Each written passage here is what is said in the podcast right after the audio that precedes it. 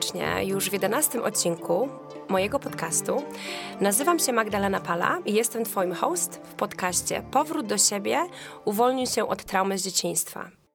Dzisiaj wraz z moim gościem, za chwilę przedstawię Igora, będziemy rozmawiać o temacie, który na wielu etapach mojego życia dotknął mnie bardzo głęboko, mnie i również moich członków rodziny, a mianowicie jest to temat uzależnień. Temat, który, który wydaje mi się dla wielu z nas oznacza coś innego, ponieważ uzależnienia przyjmują różnoraką formę. Ja również sama zmagałam się z uzależnieniami. Byłam uzależniona od alkoholu, od zakupów, po, szczególnie po rozwodzie w Kanadzie w 2010 roku, kiedy postanowiłam odejść od mojego byłego męża. Wpadłam w okrutny nauk zakupoholizmu oraz zaczęłam nadużywać alkoholu weekendowo i nawet już później nie około weekendowo. I co, co tak naprawdę, słuchajcie, moi drodzy, co tak naprawdę zmieniło moje podejście do pracy z uzależnieniami jako psychoterapeuta, jako psychotraumatolog? Otóż w 2011 roku było to szkolenie, w którym uczestniczyłam w Kanadzie. Wówczas pracowałam przy resocjalizacji młodzieży. Pracowałam z trudną młodzieżą, ciężką w Kanadzie, również e, w wielu przypadkach uzależnioną od wszelkich substancji. I było to szkolenie z moim ukochanym klinicystą, lekarzem, światowej sławy ekspertem od uzależnień i traumy, leczenia uzależnień i traumy, doktorem Gaborem Matej. I tytuł tego szkolenia brzmiał Od ulic Hastings do neuronauki, neurobiologii i najnowszych teorii i podejścia w pracy z uzależnieniami. Hastings to są, mm, to jest dzielnica w Vancouver w Kanadzie. Przejeżdżałam przez tą dzielnicę, gdzie jest masa bezdomnych. Jest to East Side Downtown, czyli to centrum, e, wschodnia część centrum e, Vancouver. I słuchajcie, przejeżdżając przez ulicę Hastings, e, widzimy obraz, który wzmaga w nas tyle bólu, ponieważ widzimy bezdomnych, widzimy uzależnionych, leżących e, na e, ulicy, śpiących w kartonach, uzależnionych od heroiny, od mefedronu, od wszelkich innych substancji. Widzimy prostytucję, widzimy kobiety, które są bardzo pokrzywdzone przez los, zarówno jak i mężczyzn.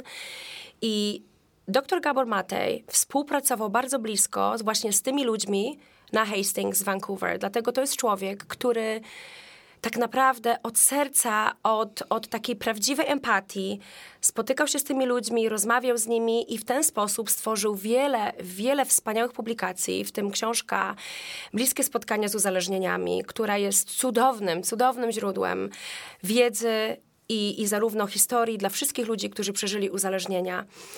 I w tej książce dr Gabor Matej przede wszystkim zadaje pytanie, co jest całkowicie, wydaje mi się, odmiennym podejściem do uzależnień. Mianowicie jest to pytanie, jak ból emocjonalny doprowadził osobę do uzależnienia, a nie dlaczego ta osoba jest uzależniona.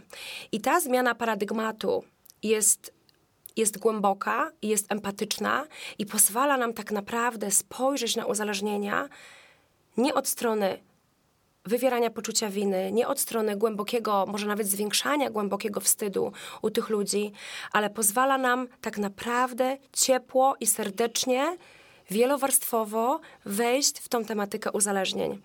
Dlatego, że uzależnienia to jest ciągłe szukanie czegoś, co jest na zewnątrz siebie. Coś, co ma ci dać ukojenie i wypełnić ogromną i bolesną pustkę, która się w tobie znajduje, która się w nas znajduje. I tak naprawdę to nie wiesz, nie wiemy, czego chcemy, bo tak naprawdę ten ból tkwi w tym, co się wydarzyło w naszym dzieciństwie i również w dzieciństwie naszych przodków i to, co nasz układ nerwowy i mózg zarejestrował. I jak czujesz się, czy czujemy się sami ze sobą. I podsumowując ten mój wstęp, chciałabym serdecznie przywitać mojego gościa dzisiaj w studio, Igor Widłak. Czy ja dobrze, Igor, wymawiam twoje tak. nazwisko. I jestem, słuchaj, bardzo zadowolona, ponieważ mamy dzisiaj męską energię w studio. Jako pierwszy członek moich podcastów, które weszły w tym roku, jest z nami mężczyzna, słuchajcie, co jest cudowne, bo ja uwielbiam pracować z mężczyznami, dlatego, że mężczyźni pracują trochę inaczej niż kobiety. I, i, i potrafią w sposób męski, może troszeczkę bardziej taki bezpośredni, podchodzić do, do tematów wszelakich, prawda Igor? Tak. Nie wiem, czy byś się zgodził. Ja jestem bardzo bezpośredni w temacie mojego uzależnienia, więc tam nie ma problemu, żebym o tym rozmawiał. Cudownie. Bardzo się cieszę, Igor. Jeśli mogę tylko słowem wstępu, skąd znam Igora? Igor, jak e, większość moich gości, nie jest moim pacjentem. Natomiast znam Igora przez mojego pacjenta, przez Przemka, który wiele razy opowiadał mi o tobie, Igor. I do takich naprawdę fajnych, ciekawych rzeczy. On bardzo się o ciebie martwił też, o to, czy, czy wyjdziesz z tych uzależnień, jak przez to wszystko przejdziesz. I, I bardzo dużo wiem o tobie właśnie przez Przemka. I wiem, że jesteś postacią barwną, ciekawą, która naprawdę przeszła długą drogę, żeby być w tym miejscu, w którym obecnie jesteś. Igor, czy chciałbyś trochę opowiedzieć mnie i moim słuchaczom?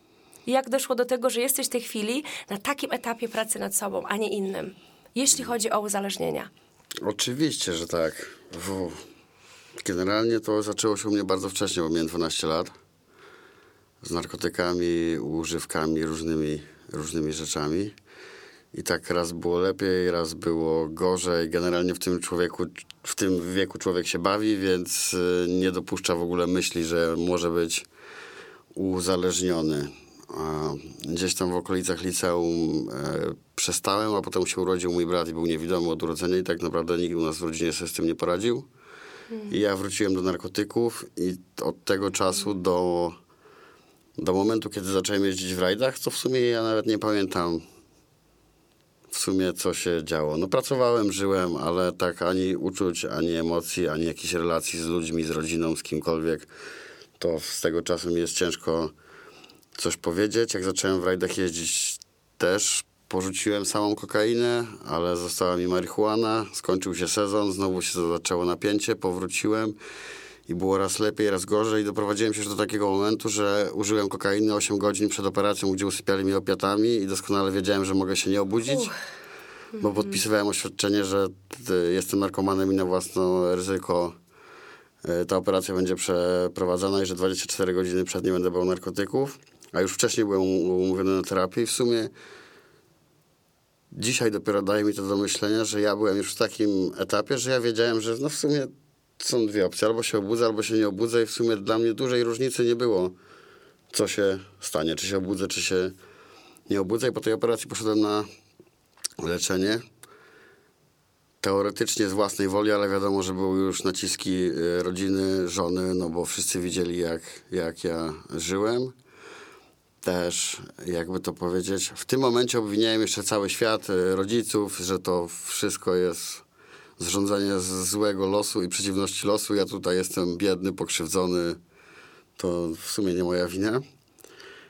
I jak sobie przypomnę pierwszy miesiąc terapii, to w sumie to była walka z terapeutą.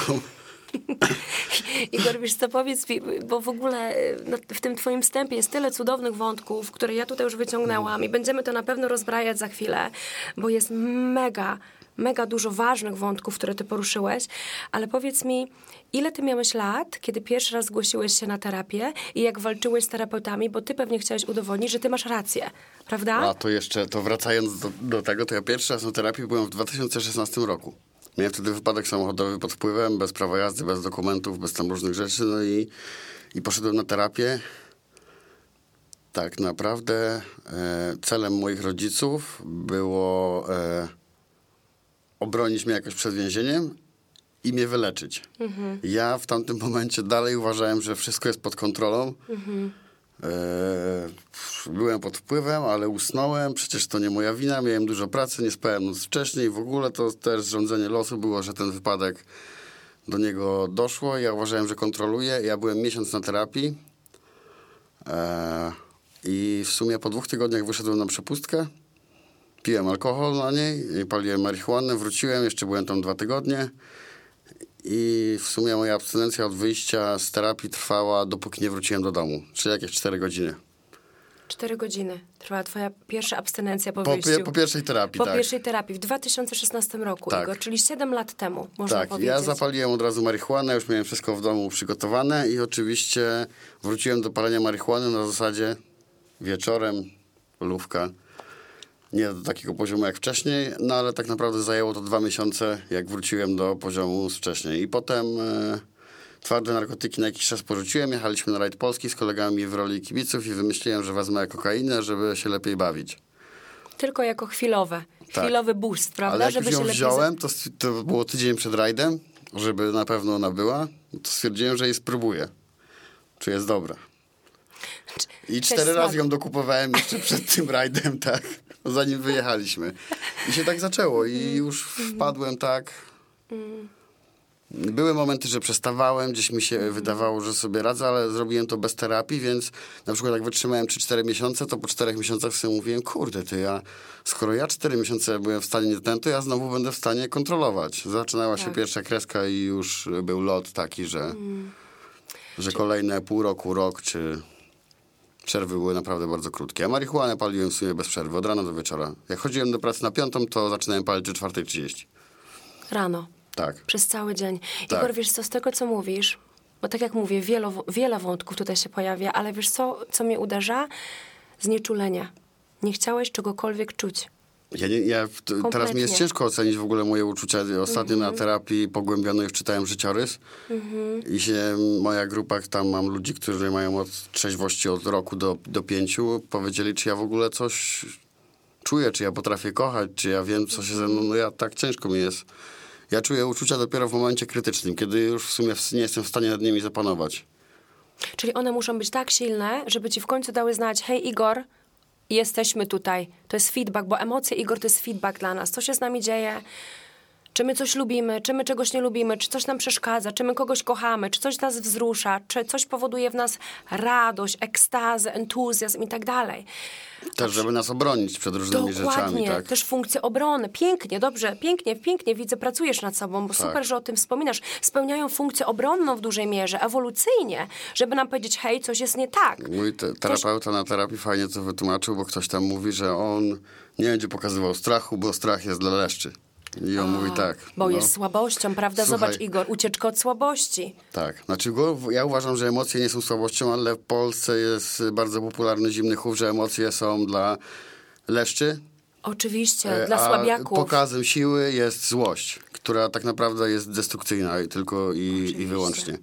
Wiesz I on to Igor? fajnie, ja muszę to Tak. powiedzieć, on to fajnie powiedział, że ty słuchaj, emocje wyewoluowały tak, żeby nas obronić. Mówi, ty myślisz, że na przykład zebra stojąca przy wodopoju i widząc lwa mówi, ty ja się nie będę tam pokazywać frajerowi, że ja się boję, bo ten, no mówi, żeby zebra się nie bała i nie zaczęła uciekać, to by po prostu zginęła, tak? I ona nie zastanawia się, czy to jest odpowiednie, czy ona będzie się bała, czy nie, tylko ucieka i ratuje życie, tak?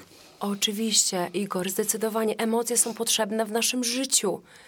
I jeżeli wszystko zamieniamy w złość, szczególnie u mężczyzn, Igor, nie wiem, czy byś się zgodził, ale jest społecznie przyjęte tak, że mężczyzna może wyrażać złość, ale nie powinien wyrażać smutku.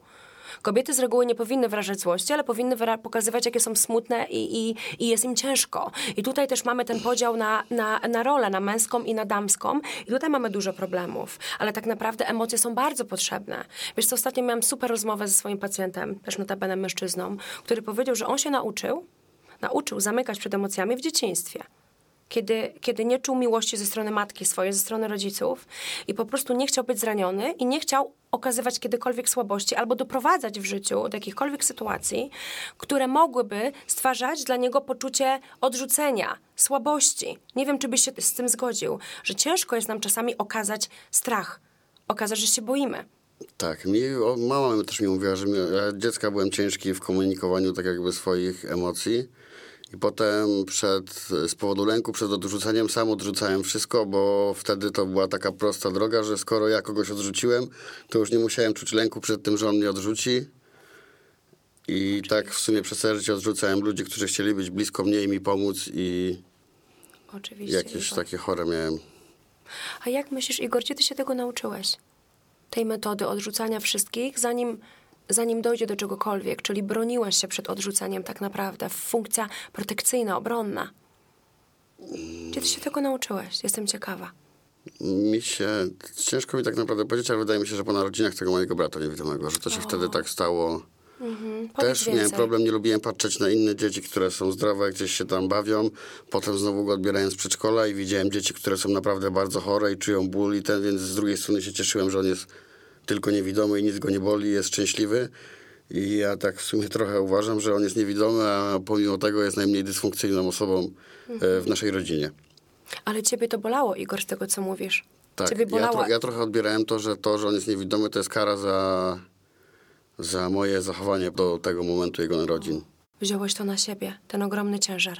Nie wiem, czemu się tak czułem, ale Mhm. tak jakoś, no, no nie żyłem, jakby to powiedzieć, tak jak trzeba było żyć. Uciekałem od utartych norm społecznych. Dużo złych rzeczy zrobiłem w życiu i Ale zobacz, Igor, to była twoja ucieczka od bólu. Podoba mi się ten podcast, bo my się nie znamy, więc my teraz możemy nawet sobie popracować jakby podcastowo-terapeutycznie, prawda? Igor, zobacz, ile w tobie jest ciekawych warstw. I, I te warstwy dużo mówią o tobie.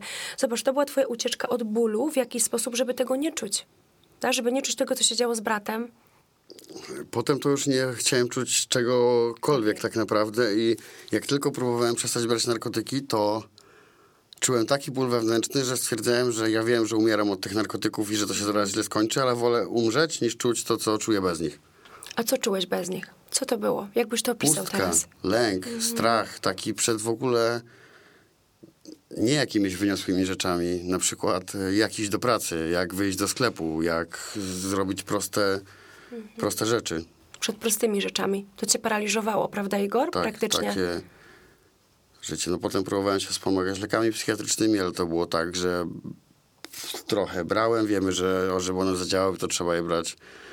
Ja pobrałem tydzień czy półtora, nic się nie zmieniło, to wracałem do narkotyków, brałem je razem z narkotykami, to odrzucałem leki, przestawałem być i tak to się wszystko kurczę, mieszało, że... Ale mieszanka, bo zobacz, zacząłeś brać psychotropowe leki, no one nawet Znaczy, nie nie, wiem, czy zadziałały. ale tak nie, nie były jakieś tam mocne leki, no ale ciężko, żeby coś działało. Ja pamiętam, jak miałem problemy ze snem i mi przepisała hydroksyzynę. Mhm, Mój doktor, no to finalnie raz tam zjadłem 15 tabletek i ja y, w pracy ktoś mi mówi, kurde, ja jem tabletkę i pff, odcinam i idę spać. A ja zjadłem 15 tabletek i siedziałem przed telewizorem. Miałem Mhm. tak wyrobioną odporność na jakiekolwiek rzeczy przez ilość zażywanych narkotyków, że nic mnie po prostu nie, nie ruszało też. Nic cię nie uspokajało, Igor, prawda? Bo jeżeli, zobacz, jeżeli przyjmowałeś kokainę, to jest stymulant, który pobudza układ nerwowy. Powiedz mi, Igor, czy kokaina cię uspokajała? Ja- Jak, na, jak działała na ciebie kokaina? Bo to jest też ciekawe, przy stymulantach. Bo czasami, y, jeżeli ma się tendencję do ADHD, to stymulant może uspokajać. Nie wiem, jak na ciebie, jak na ciebie działała ta kokaina? W czym ona ci pomagała? Tak naprawdę to nie mogę tego powiedzieć tak, że dawała mi jedną rzecz i też na każdym etapie uzależnienia dawała też co trochę innego. Na początku mnie napędzała, dała takie poczucie sprawczości wszystkiego, władzy, bycia ponad y, wszystkim. Tak Mogłeś funkcjonować, prawda, Igor? Mogłeś normalnie funkcjonować i wykonywać te wszystkie obowiązki, o których mówiłeś przed chwilą. czuł. Y, tak. Potem, znaczy zażywając kokainę też zaczynałem robić y, dużo rzeczy kompulsywno-obsesyjnie. I to takich rzeczy mało wartościowych. jak, nie wiem, pograć w grę, czy zajęcie się czymś takim, co naprawdę nie wpływa na moje życie, tylko jest jałową stratą czasu, ale dzięki temu, że byłem zajęty taką pierdołą, to moje myśli były w tym, zamiast być w bólu i zastanawianiu się, co się ze mną dzieje i czy ja w końcu będę w stanie umrzeć i nie czuć tego. To musiał być ogromny ból. Prawda? Bo skoro zobacz, to tak bardzo bolało, że nie mogłeś z tym wysiedzieć, to te narkotyki pozwalały ci nie czuć tego bólu, Igor. Prawda? Czy nie było tak? One ci po prostu. To nie jest tak, że ty się obudziłeś w wieku 12 lat i powiedziałeś tak, a ja zacznę sobie brać narkotyki, mam taki kaprys. Nie, Igor, coś cię doprowadziło do tego. Czy wpadłem też do towarzystwa, spróbowałem. Ja też byłem człowiekiem, który się bardzo przejmował. Na przykład, e, nie wiem, taki przykład podam prosty, że dzwonię do kogoś, ktoś nie odbiera. Ja mówię, kurwa, to ja pewnie coś zrobiłem takiego, ja już gdzieś, on mnie nie lubi, on się obraził na mnie i ten gość odzwania do mnie za 4 godziny, ty, bo nie miałem telefonu, zajęty byłem coś tam, a ja już przez 4 godziny, Jezu, ja coś spieprzyłem, tak? I na przykład, kiedy pierwszy raz wziąłem narkotyki, przestałem czuć te takie rzeczy, które naprawdę e, inicjowałem sobie sam, no bo to tylko były moje tak jakby automatyczne myśli, które dzisiaj wiem, że mogę je przekształcać i zmieniać, i że nie muszę się gdzieś tam w to pchać i jest to do, do ogarnięcia, ale tak naprawdę sam sobie psułem głowę takimi nieświadomie. Dzisiaj mam tą świadomość, no bo pracuję na terapii, oczywiście bardzo długa droga przede mną, e, ale doceniam pracę w ogóle w grupie, no bo e, indywidualnie to jest tak. e, Fajnie jest to, że łatwiej mi jest zauważyć błędy w moich kolegach i we mnie. Często jest tak, że to, co piętnuję w koledze z terapii,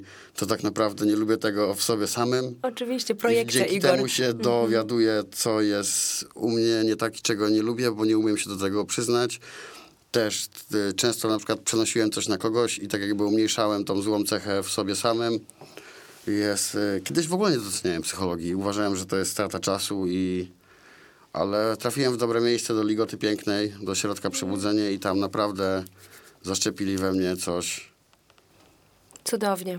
Cudownie. Igor, bo wiesz co, tą drogę, którą ty opisujesz, to pokazuje tak naprawdę wartość w, tych, w tej pomocy specjalistycznej przede wszystkim, ale pokazuje drugą stronę twoją siłę. W ogóle podjęcia się tego ciężkiego wyzwania, żeby w końcu się skonfrontować z tym, co było bolesne. Bo zobacz, Igor, lęk przed odrzuceniem. Nie chciałeś czuć tego, obawiałeś się, bałeś się. Ciągle było coś, co cię w jakiś sposób aktywowało, co cię bolało, co cię dotykało, więc te narkotyki pozwalały ci tego nie czuć. Prawda? I w końcu konfrontacja z tym, przechodząc przez to, z tego co słyszę, to jest kompleksowy program w Ligocie. Ligota Piękna, tak? Powiedziałeś? W Ligocie Pięknej. Czy to jest program prywatny, Igor? Jaki to jest program? Mógłbyś troszeczkę wspomnieć o nim? Oczywiście, to jest program prywatny. Ja tam byłem na, w ośrodku zamkniętym. Mm, Potem dołączałem do terapii pogłębionej. I trochę w sumie mi się wydaje, że po części przeze mnie, bo ja wyszedłem. mm, e, Byłem na terapii pogłębionej raz, ona się odbywa raz w tygodniu, jest trzy godziny z grupą. I już na nią nie wróciłem, ale za chwilę wróciłem do ośrodka po kolejnym zaćpaniu. Byłem trzy miesiące, byłem trzeźwy z dwa tygodnie. Tam mi się pewne rzeczy w życiu, w życiu posypały. y, Nie byłem w stanie tego znieść emocjonalnie. y, Nie dałem rady, zaćpałem, tylko no, cenne było dla mnie to, że zaćpałem, wiedziałem, że zrobiłem źle, ale tak jakby mm, samo to, że zaćpałem już powodowało we mnie taki ból, który chciałem zabić, więc wytrzymałem ze trzy dni i zaćpałem po raz kolejny i wtedy już wiedziałem, że to się nie skończy na jednym razie. Zadzwoniłem do środka, wróciłem tam po dwóch tygodniach. Jak to brzydko powiem, na wolności. I byłem tam miesiąc i przez ten miesiąc jeszcze więcej rzeczy mi się w życiu rozsypało. W sumie wychodziłem stamtąd, nie wiedziałem, gdzie będę mieszkał, co będę robił, jak to będę robił. I bardzo szybko wróciłem do, do ćpania i potem jak już się zacząłem gdzieś ogarniać, to zadzwoniłem do e, Ligoty, że dołączałem do grupy pogłębionej dwa razy. Byłem na jednym spotkaniu, wyszedłem, ludzie się tam dzielili ze mną swoimi problemami. Rozumiem, że stracili zaufanie i tak jakby grupa się regresowała przez takich ludzi jak ja, którzy dochodzili, zaraz odchodzili.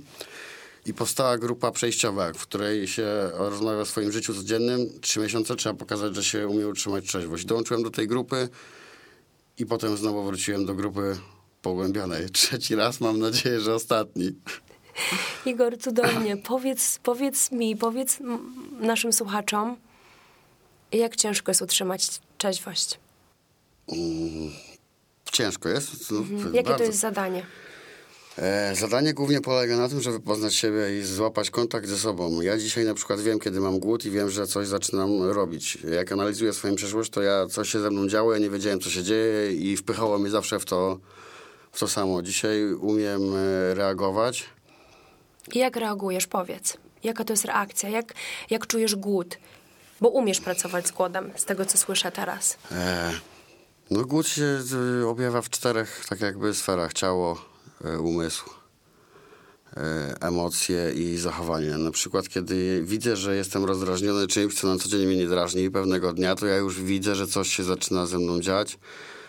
Jakiś wysiłek fizyczny, jakaś medytacja, coś, żeby się uspokoić. Staram się kontrolować złość. Często jest tak, że często, może już teraz nie tak często, ale przerastają mi emocje i wtedy po prostu też odpuszczam. Staram Jak się nie brnąć w to Jak odpuszczasz, powiedz. dalej. Na przykład jak jestem zły i się kłócę z żoną, no to wolę przestać, bo wiem, że zaraz moja złość dojdzie do takiego poziomu, że zacznę mówić rzeczy, których normalnie bym nie powiedział na przykład, tak? A te rzeczy doprowadzą mnie do głodu, no bo jeżeli z czymś sobie nie potrafię poradzić, a przez całe życie yy, używałem narkotyków do wszystkich rzeczy, z którymi nie pozwoliłem sobie poradzić, no to droga jest... Yy, Droga jest jedna, ale jeszcze do, wracając do tej pomocy terapeutycznej, to na początku nie wierzyłem, jak terapeuta mówił, że jeden z dziesięciu. Bo jeszcze są zalecenia, tak jakby odciąłem towarzystwo, kontakt, nie chodzę na imprezy, na różne rzeczy z tego typu i terapeuta mówił, że jeden z dziesięciu wyjdzie z tej choroby, ponieważ, znaczy wyjdzie, będzie kontynuował to trzeźwienie, ponieważ jeden z dziesięciu będzie się stosował do zaleceń, e, będzie dalej uczestniczył w terapii, bo są tacy ludzie, którzy przychodzą na terapię i myślą, że przesiedzą miesiąc i, i wyjdą i są zdrowi. No to nie jest e, chemioterapia, że e, pomoże albo nie ten. Fajne też były jego słowa, że konia do wodopoju można zaciągnąć, ale żeby pił, to już się go nie zmusi, tak? Więc ja tam byłem 4 miesiące i widziałem, ile osób dołączało potem do grupy po moim wyjściu. To mogę się jedynie kłócić z terapeutą, że może dwóch z dziesięciu. Ile osób przychodzi, odchodzi po miesiącu, po tym, po tamtym i... Czyli wiesz co, Igor, jak słucham twojej historii, pięknej historii, naprawdę bardzo bogatej, y, w, w, ogólnie masz ogromną wiedzę i bardzo dużo pomocnych tutaj y, porad i informacji dla, dla naszych słuchaczy przekazujesz, co jest cudowne i, i bezcenne. Ale wiesz co, uderza mnie to, ile jest nawrotów tak jak te przechodzi się przez sześć etapów zmiany, na pewno się uczyłeś tego, prawda? Transteoretyczny model zmiany.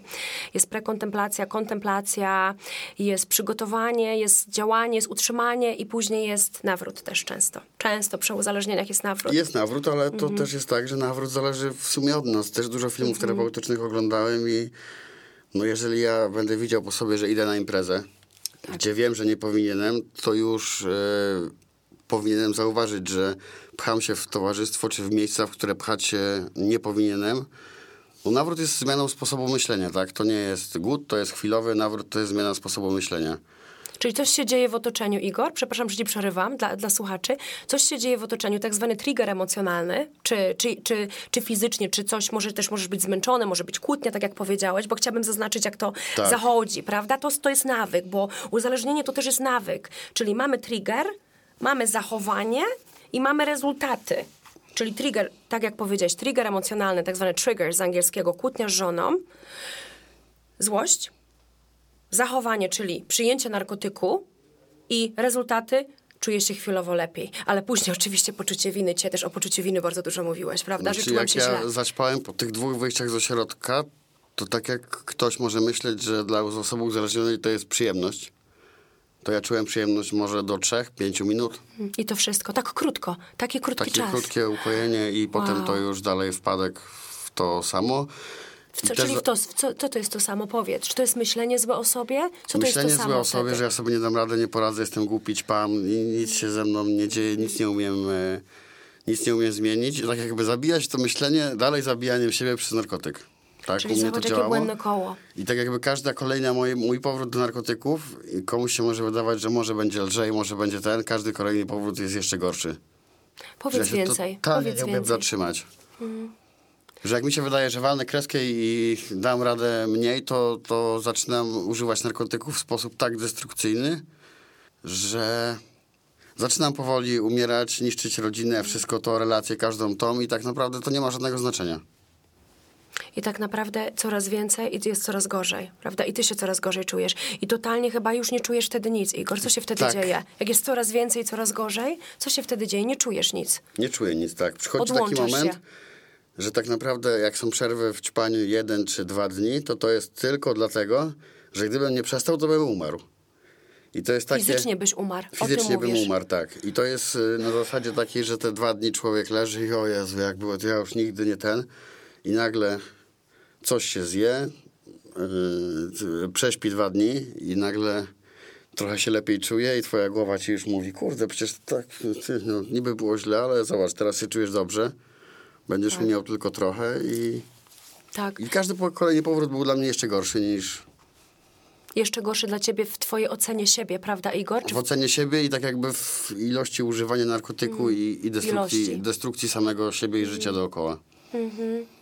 Wiesz co, pamiętam Igor, jak słucham ciebie, oglądałam taki film, ja uwielbiam filmoterapię ogólnie, filmoterapia jest super. Oglądałam film, nie wiem, czy znasz ten zespół amerykański, tam jest ten Tommy Lee Jones, e, on był ten basista, który założył, jednej, nie pamiętam jego imienia i nazwiska, ale on przyjmował heroinę i on powiedział, że ta heroina, on miał okrutne dzieciństwo, okrutne dzieciństwo, u niego były kłótnie, matka przyprowadzała ciągle nowych facetów do domu, tam było po prostu cyrk na kółkach, mówiąc kolokwialnie.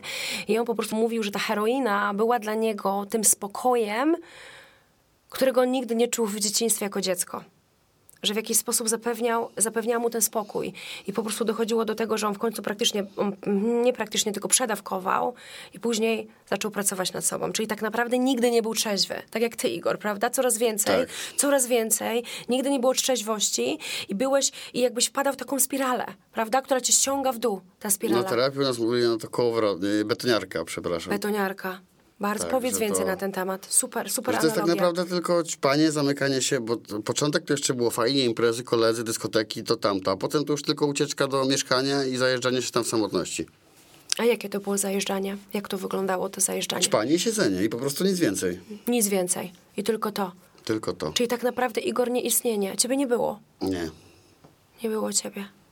Dlatego chciałeś wrócić do świata żywych? Tak. I też I w takim, w takim momencie, jak się siedziało samemu w tym domu i ćpało, i to się myślało, że w sumie nie mamy teraz dla świata, więc po co ja mu jestem potrzebny, skoro świat funkcjonuje, a ja tutaj się zabijam. I, i, i tak naprawdę to, to myślenie prowadzi do jeszcze większego ćpania, prawda? Tak. Bo skoro ja się tu zabijam, świat sobie tam funkcjonuje na zewnątrz, a ja tutaj siedzę i tak nikomu nie jestem potrzebny. Nie wiem, czy myślałeś w ten sposób? Tak, a potem jeszcze nawet myślałem, że kurde, nawet lepiej funkcjonuje, jak ja tu siedzę i mnie tam nie ma. A, a powiedz, dlaczego tak było? No Skąd to bo jak ja już byłem w krytycznej fazie uzależnienia, no to wszystkim sprawiałem tylko problemy, tak? Czułeś się Balastem. bólem. Balastem, bólem Balastem. dla wszystkich i w ogóle tak mm, Obciążeniem czułeś. obciążeniem, tak. A powiedz mi, Igor, y, y, y, ja bym chciała jeszcze wrócić na chwilkę do, do, do tego 12 roku życia. Czy to było towarzystwo na początku? Na początku to były imprezy, tak? Towarzystwo. Ale powiedz mi, mm, co się stało, że dwunastolatek szukał takiego towarzystwa? Akurat. Jak ty, jak ty to widzisz z perspektywy czasu? Że w wieku 12 lat akurat szukałeś takiego towarzystwa? Bo to też jest forma ucieczki i to mnie bardzo ciekawi.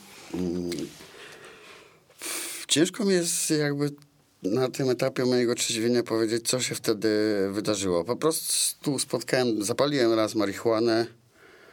Yy, spodobało mi się to, to bardzo. Było to wiadomo, te pierwsze palenie to było czasami i się człowiek zmiotował, no bo to yy, przydawkowanie marihuany nie, nie jest groźne, to jak po alkoholu. No człowiek się zmiotuje, źle się czuje dzień i... i... Jest trochę zielony na twarzy, trochę biały, prawda? Tak, tak. Trochę tam się wydarzy, a później już wraca się do E, normy. moi koledzy wszyscy zażywali amfetaminę i część z nich była taka, że ja jestem młodszy, bo wszyscy oni byli starsi ode mnie po 4-5 lat. Czyli mieli 16, 16, 17. Tak.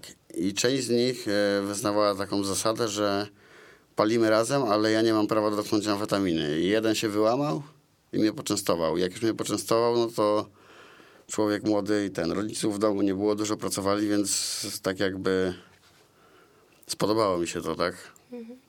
Igor, wiesz co, zatrzymam cię na chwilkę, dobrze? Dlatego, że zdajesz sobie sprawę, że to jest podcast o traumie z dzieciństwa też, prawda? Że wiele rzeczy w naszym życiu, tych destrukcyjnych, które mają miejsce, jak jesteśmy dorosłymi, ma swoje źródło w dzieciństwie. Zobacz, teraz powiedziałeś coś kluczowego. Rodzice dużo pracowali, ich nie było. Ty byłeś sam. Odnoszę wrażenie, że byłeś bardzo samotny. W jakiś sposób. Tak. Tak, mi się, tak mi się teraz może wydaje, jeszcze tak naprawdę nie wiem. Z tego powodu należę do grupy, którą prowadzi terapeuta psychodynamiczny, no bo on z nas wyciąga te różne rzeczy i moja grupa. Tak. Może kiedyś się przeniosę do behawioralno-poznawczego, bo, bo to będzie na późniejszym etapie mi bardziej potrzebne, bo ja w chwili obecnej nie jestem sam w dociec, co jest to moją traumą. To jest Ja okej, dużo jesteś prac pisałem o rodzinie, o dzieciństwie, o uczuciach, o różnych, o różnych rzeczach i, i potem ten terapeuta z tego wyciąga rzeczy, zadaje kolejne prace i tak naprawdę e, wrócę do tej kłótni pierwszej z nim przez miesiąc, no to no, że miałem kolegę, który mi pokazywał zdjęcia narkotyków na telefonie, tam już będąc na terapii, gdzie to się na- nazywało opowieści wojenne i ćpanie na sucho, był zakaz tego. No i terapeuta, on coś tam do mnie mówi, ja mówię, że to w ogóle jest pierdolety. Mówię, to się w ogóle nie... To... Mówi, a tego, co ci zdjęcie narkotyków na telefonie pokazuje, to słuchasz. Ja mówię, bo to jest mój przyjaciel, mówię, i jemu nawet nie muszę płacić za dobre rady. Pamiętam taką, taką odzywkę terapeuty. I walczyłem, e, kopałem się z koniem, wszystko i tak naprawdę po pewnym czasie się zaczęło okazywać, że gość wszystko, co do mnie mówi, e, się sprawdza i wychodzi, że to jest jednak e, racja. Nakierowywuje mnie na jakieś tematy. Widziałem też, co potrafił wyciągnąć z innych ludzi. I też fajnym, ja byłem tam trzy miesiące. Generalnie program trwa dwa miesiące. Ludzie zazwyczaj przyjeżdżają na miesiąc. Więc ja przerobiłem 14 współlokatorów e, w Wow. pokoju. Super. I co I ludzie, przy- ludzie przychodzili i wychodzili. I jak Tak. ja już byłem pod koniec trzeciego miesiąca i przychodzili nowi ludzie, i ja widziałem, że ktoś jest na przykład trzeźwy dwa czy trzy tygodnie, a on dalej się Tak. zachowuje jak pijany albo naćpany, dopiero wtedy do mnie dotarło, jak ja się musiałem zachowywać przez ten pierwszy miesiąc, tak? Czyli ty zobaczyłeś, Igor, patrząc na tych ludzi, będąc trzy miesiące, ponieważ to był wydłużony okres, jak tak naprawdę ty się musiałeś zachowywać jako z pozycji obserwatora, Tak. prawda? Widziałeś, co ci ludzie robią. Tak naprawdę widziałem trochę siebie Mhm. w nich, tych ludzi, ludziach, którzy przychodzą siebie na początku. I jak oni się zachowywali? Co wiedziałeś, Igor? Powiedz mi, co wiedziałeś i, i No, podziel się. no, gość jest trzeźwy trzy tygodnie, on dalej gada jakby był pijany, tak? Czyli tak naprawdę dalej jest w swoim świecie, Igor, prawda? E, Dalej tak. jest w tym zone takim, y, w te, w te, można powiedzieć, że dalej jest w, w tej mgle te, te, tego, tego, tej substancji, prawda, tak. Igor? I ja też czuję, że ja też jestem dalej w tej mgle dzisiaj, Mhm. nawet pomimo jakiejś tam abstynencji, no bo ja potrzebuję, wydaje mi się, do dwóch lat, żeby zmienić 20 lat ćpałem, więc teraz ciężko jest, żebym w parę miesięcy, czy nawet w rok nagle e, załatwił wszystko i jest po, po temacie, że po dwóch latach gdzieś mi się wydaje, dopiero zacznę takim być człowiekiem myślącym trzeźwo, bo ja pomimo tego, że trzymam abstynencję i y, jestem na jakiejś tam drodze trzeźwienia, widzę, że czasami mam, nie wiem, po prostu na przykład wracam do domu, mówię, kurde, żony nie będzie, bym się zajarał, na spokojnie.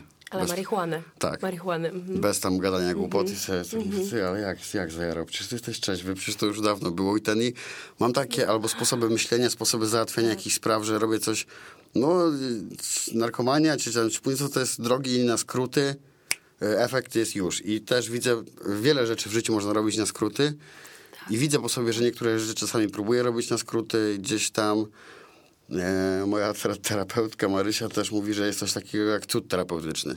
I zawsze wszyscy podnoszą głowy, jak to cud. Tam terapeuta u góry mówił, że nie ma żadnych cudów. I Marysia mówi, czas unieść dupę.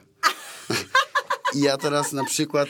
I zacząć pracować, Igor, Tak. prawda? To jest ten cud pe- terapeutyczny. Super, że o tym mówisz, bo żaden terapeuta nie ma magicznej różdżki. Czasami pacjenci do mnie przychodzą, no ale pani mi nie powie, jak to zrobić, a ja oczekiwałem bardziej konkretnej odpowiedzi, ale pani mi nie daje gotowych odpowiedzi, narzędzia, a ja mówię, ale ja mogę ci dać całą listę narzędzi. Czy ty je wprowadzisz, Igor, tak szczerze, czy to, żebyś dostał ode mnie całą kartkę albo od swojego terapeuty, podpunktów, jak wyjść z uzależnienia, to byś z niego wyszedł? Nie, bo to jest twój proces, prawda, Tak. Igor? Każdego proces jest inny i my, terapeuci, nie mamy magicznej różdżki. I to jest właśnie ten cud terapeutyczny. Podnieść dupę, prawda? I zacznij pracować. Tak. Na przykład to, co się różni teraz, jak byłem w czynnym uzależnieniu, jak jestem w nieczynnym, dalej mi się wiele rzeczy nie chce. Różnica jest taka, że nie wiem, dzisiaj rano, nie wstałem o 6, nie chciało mi się iść na basen. To była ostatnia rzecz, która mi się chciała, ale wstałem, poszedłem, przepłynąłem ileś tam tych basenów i wychodząc z basenu czułem radość, tak? Zobacz, Igor, cudownie, że o tym mówisz. Słuchajcie, zobaczcie, co Igor tutaj bardzo ważnego powiedział. Tak samo jest przy stanach depresyjnych, bo pewnie jak narkotyki odchodzą, Igor, to pojawia się beznadzieja, bezsens, prawda? Nic się nie chce. E, Pierwsze dwa miesiące trzeźwienia wyglądały tak, że po cholerę w ogóle ja trzeźwieję, skoro e, czuję się jeszcze gorzej niż... Że tak naprawdę to taka jedna myśl, że ja dalej umieram, więc wolę umierać z narkotykami niż umierać bez nich i przez pierwsze dwa miesiące ja przychodziłem na tę moją grupę ja mówiłem, że to w ogóle nie ma sensu, to, bo to jest bez sensu. To trzeźwienie całe, jak tam goście siedzą, jakąś radość z życia czują, to co oni tam pier... Prawda? A ty nie Dokładnie. czułeś nic, ty czułeś ból. Igor, zobacz, dwa, tak jak powiedziałeś, yy, wywnioskowałam, że masz 32 lata, prawda? Bo 20 lat ćpania. 31. A 31, przepraszam, 20 lat ćpania. Czyli ty nic nie czułeś przez te 20 lat. Czyli jak odstawiłeś, Ja w sumie muszę się nauczyć uczuć od nowa. no właśnie. I jak ty się uczysz tych uczuć od nowa? Powiedz nam. Przede wszystkim staram się je komunikować. Ja na terapii już dostrzegłem, że jak kładłem się do łóżka, bo mi coś mnie przeciążało, bo praca nad sobą jest cholernie ciężka. Chyba najcięższa, prawda, Igor? Dotyka się Najcięższe traumy zadanie. z dzieciństwa, różnych rzeczy i to naprawdę boli czasami. To nie jest e, bardzo. łatwe. Jak ja pisałem swój życiorys teraz na grupę pogłębioną, no to potrafiłem wracać do domu i płakać. Mhm. Jak go w pracy gdzieś tam pisałem czy coś, bo łapałem dopiero kontakt, będąc trzeźwym, co tak naprawdę ja w życiu i ze swoim życiem zrobiłem. I to nie jest, e, nie jest łatwe. I na przykład pisząc pracę tam na terapii było tak, że coś mi przeciążało i się kładłem do łóżka.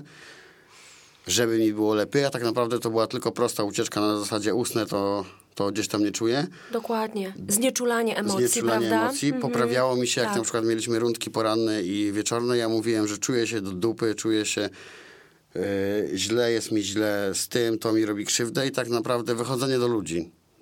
Tylko nie do Pomogło ci. ludzi na zasadzie do galerii, bo to jeszcze mnie przeraża czasami. Jak są duże skupiska ludzi, potrafię Lęk być odczuwasz? przerażony. Odczuwasz lęk, czy taki strach?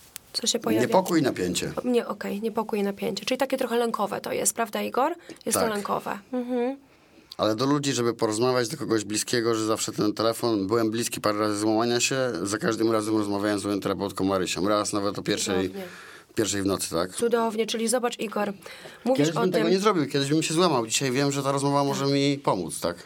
bo kiedyś byś nawet nie pozwolił sobie przyznać się, że masz słabość, prawda? Tak. I, i, mieć tą pomoc od kogoś. A zobacz, jak ważny jest Igor przy leczeniu uzależnień. I to nieraz pacjenci mi mówią i, i moi, i, i widzę też w mojej rodzinie, y, jak wyglądało to u mojego taty. Mój tato przestał pić. y, Naprawdę bardzo, bardzo był uzależniony od alkoholu. No, alkoholikiem jest do tej pory, w wieku 70 lat, ale rodzina, obecność, to, że on widział sens, prawda, że są ci ludzie wokół niego i zaparł się od tego czasu kompletnie nie pije. Ma w tej chwili 87 lat. Mam dużo starszych braci od siebie.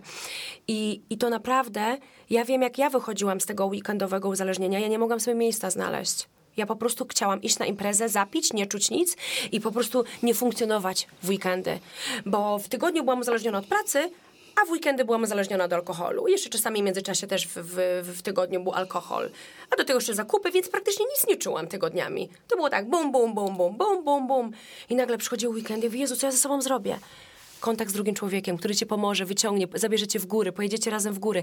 Ktoś, kto cię będzie wspierał, prawda? I dlatego Tak. Łukasz, poznanie Łukasza w moim przypadku. I tutaj naprawdę jestem mu bardzo, bardzo wdzięczna i no widzicie, to są te emocje, cudownie, bo on mnie wyciągnął z tego. On powiedział, dziewczyno, zrób coś ze swoim życiem. Zaczęłam jeździć na rowerze, chodzić w góry i weekendy były cudowne, przyjemne. I do tej pory tak robię. Zawsze mnie zobaczysz w górach, zawsze mnie zobaczysz gdzieś na rowerze, na nartach, obcując z naturą, chodząc po plaży, uziemiając się, uspokajając układ nerwowy. I to jest cudowne, prawda, że zaczynasz mieć cel, Igor. I wiesz, że ta osoba cię wysłucha. I że ci pomoże. W tym momencie, kiedy jest ci ciężko. Tak, ale najważniejszy jest dla mnie kontakt z innymi uzależnionymi, którzy trzeźwieją, Mhm. bo ciężko jest, Tak. żeby ktoś, kto nie przechodził przez to, Rozumiem. nawet w małym stopniu zrozumiał, co się ze mną Mhm. dzieje. A co się dzieje, Igor? Co się Jak dzieje? na przykład mam głód, no to ktoś to mówi, no to przecież ty wiesz, że narkotyki są złe i ten, no ale to Nie, jest tak, tak silne, że to, to tak nie działa. Nie, to... to tak nie działa w ogóle. Albo jak e, po tej terapii gdzieś tam zaćpałem, no to po co ty, no po co ty w ten... Ja jak przyjechałem na terapię i zaćpałem, to ja przez pierwsze 7 dni mówiłem rano, że czuję się jak gówno, chciałbym umrzeć, żałuję, że przyjechałem na terapię po raz drugi, e, czyli trzy tygodnie po wyjściu z, po, z poprzedniej, że przyjechałem, że żałuję, że tutaj przyjechałem, a że nie zaćpałem się na mieszkaniu. I była nowa grupa i oni tak na mnie popatrzyli trochę z, y, tak na terapeutę w, na zasadzie, ej weź go spakuj kaftan i rzuć do piwnicy, żeby on sobie krzywdy sam nie zrobił, nie? Mhm. Ale zobacz, ja Igor, naprawdę się tak czułem. tak, czułeś się po prostu najgorzej, jak chyba można się czuć, Igor. Prawda? Bez, bez narkotyków. Tak. Wszystko wychodziło na zewnątrz, bo to wszystko wtedy bardzo boli. I, I powiedz mi, jak ciężko jest, jak ciężko ci jest wtedy, żeby nie posłuchać się tego głodu i nie sięgnąć po substancje. Im jest dalej, tym jest lżej. Powiedz, powiedz o tym, powiedz jak to wygląda. Początki to były straszne. Na początku to miałem 5 głodów w tygodniu. To ledwo to jest do przetrwania, no bo ja w sumie cały czas gdzieś tam byłem yy, na głodzie. Dużo mi też grupa pomogła, bo jak zacząłem chodzić na tą pierwszą grupę podstawową, to w sumie pierwsza informacja na pierwszym spotkaniu, jak opisałem swój tydzień, to była taka, że ty człowieku yy, utrzymujesz abstynencję, ale ty dalej żyjesz jak ćpun. Nie masz planu dnia, nie masz konsekwencji, nie robisz nic dla siebie. Nie... I tak w sumie przemyślałem, byłem oburzony wręcz, że czy ja kurwa abstynencję utrzymuję, jak ja żyję jak ćpun, ale w sobie no, mieli dużo racji. Potem zacząłem, ja się bałem do pracy wrócić po terapii w ogóle. E, Bez... Czego się najbardziej bałeś? Nawet nie jestem w stanie sam powiedzieć czego. Po prostu pytań ludzi i wszystkiego. A teraz na, to w gruncie rzeczy większość ludzi w pracy wie, że jestem uzależniony i, i nie ma z tym żadnego, żadnego problemu. W sumie dlaczego mam się teraz wstydzić, że jestem trzeźwy? Jak się nie wstydziłem tego, że całe życie na rauszu przeleciałem. I nie wstydzisz się tego teraz, że... Jestem słowni- uzależniony. Że jesteś uzależniony. Takiego słownictwa używasz. Mhm. Jak e, e, usłyszę ze swoich ust, że byłem uzależniony, to będę Mhm. wiedział, że to jest początek nawrotu. Czyli jestem lepiej brzmi. No ja do końca życia będę. Ja się Tak, mogę teraz. będziesz, ja, też, tak. ja też nie mówię w- czasami, że jestem narkomanem, tylko że jestem uzależniony, bo Mhm. ja mogę zaraz e, w pasie, w pracoholizm, Mhm. zakupoholizm, uzależnienia behawioralne. Czytam Tak. książkę Gabora, którą zresztą kupił mi mój przyjaciel Przemek. Przemek, I- bo, ja, bo ja poleciłam mu Tak. książkę, Igor, I tam jest fajne to, że on sam o sobie mówi, że jest uzależniony raz od pracy, a dwa. Tak. od nagrody za pracę, czyli kupowania płyt. Oczywiście. Igor, ja się podnoszę rękę do góry. Ja jestem uzależniona od pracy. Ja uwielbiam palić papierosy. Uwielbiałam kupować rzeczy. Zakupoholizm. Ja się wpędziłam w takie okrutne długi w Kanadzie przez to. To behawioralne uzależnienie naprawdę wpędziło mnie w ogromne tarapaty finansowe.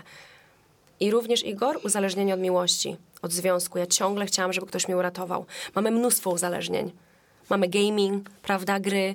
Jesteśmy uzależnieni od Znaczy, internetu. Ja, ja uważam też, że ciężkie uzależnienia są te behawioralne, bo ludzie... Ciężkie. Dla ludzi uzależnienie to jest ćpanie, chlanie, seks i kasyno. Tak. A I hazard. tam reszta rzeczy, no to gdzieś tam... I też hazard uważam za bardzo ciężkie, bo generalnie no, ja widziałem w lustrze, jak ja wyglądam po zażywaniu narkotyków. A gość, który jest hazardzistą, on tam... E, nie niszczy go to tak jakby fizycznie ani ten. On już mieszka w domu, który nie jest y, jego, ma kupę y, długów, ludzie dalej po nim nie widzą, że coś jest nie tak, a on już praktycznie życie przegrywa, tak?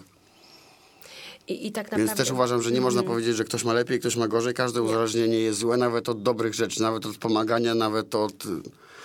Ja też bardzo Brawo. dużo w czynnym uzależnieniu pomagałem, próbując zwrócić uwagę, mówiąc, no przecież kurwa, to ja pomagam w tylu ludziom charytatywnie, tu coś załatwiam, komuś kupuję ten. Ja potrzebuję pomocy, jak ja to ja pomagam ludziom. Ja nie potrzebuję pomocy. Zawsze próbowałem gdzieś to wyprzeć, uważałem, że poradzę sobie sam, aż dotarłem do takiego momentu, że pomimo tego, że wiedziałem, że nie poradzę sobie sam, to poszedłem na terapię i przez pierwszy miesiąc się kłóciłem z terapeutą, że to ja mam rację, a nie on. Czyli ty chciałeś, wiesz co, wygrać z terapeutą, żeby w jakiś sposób terapeuta do ciebie nie dotarł, bo on dociera, on widział, co się dzieje, prawda? A tobie tak ciężko było, Igor, to przyjąć wtedy, dlatego, że twoja gotowość była jeszcze, było jeszcze zaprzeczenie, była jeszcze walka z terapeutą, jeszcze przyciąganie liny było, prawda? To Ja jest też- to ego.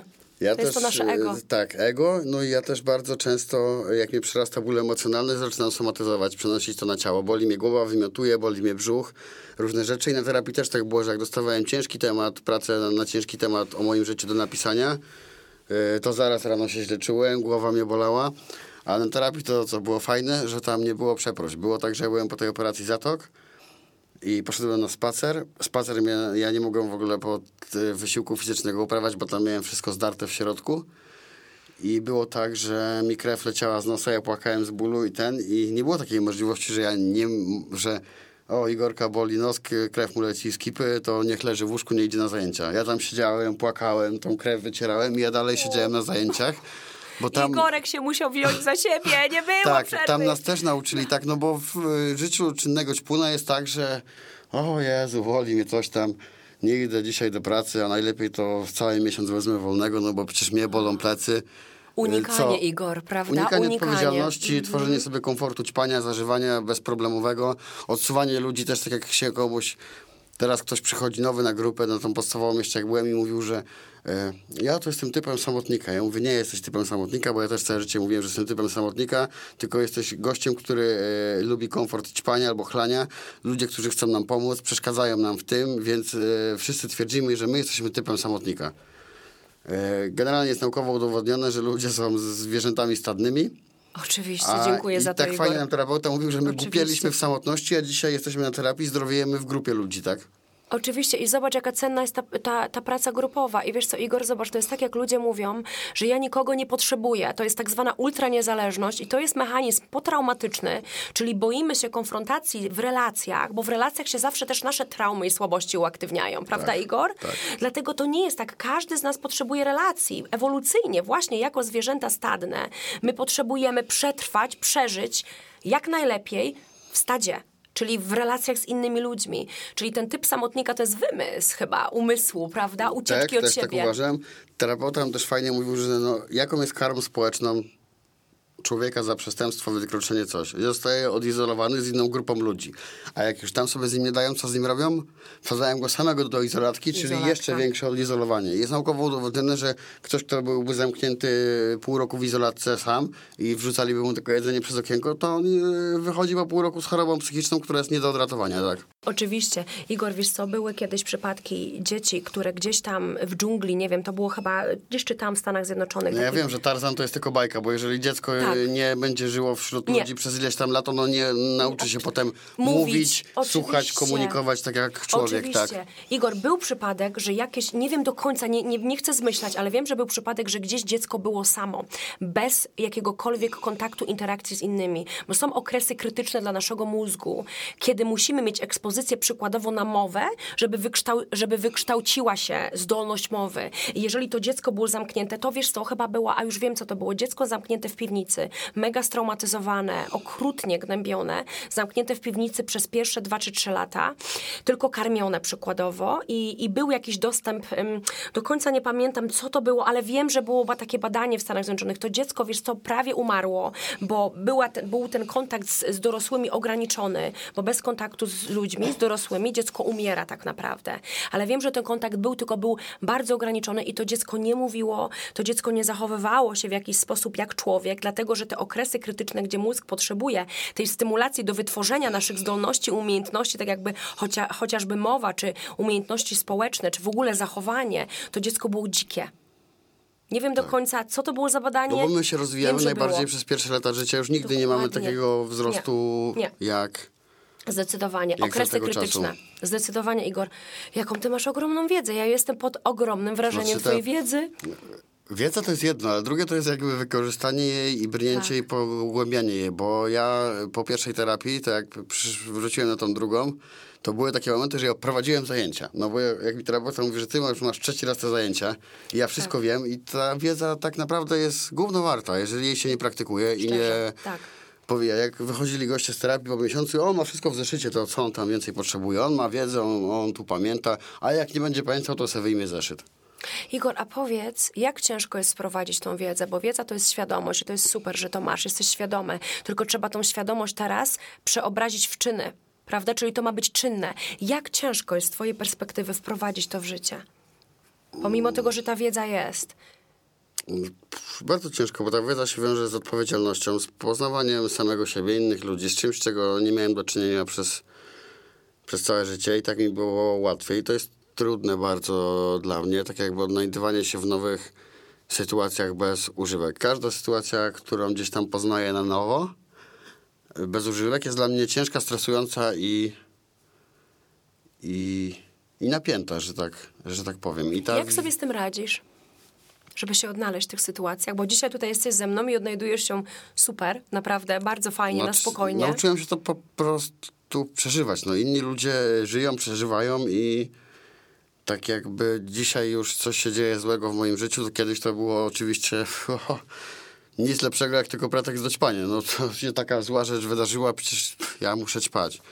Dzisiaj jakoś umiem to przeżyć bez tego, no i tak wygląda niestety życie. Nikt nie mówił, że ono jest usłane różami, będzie łatwe.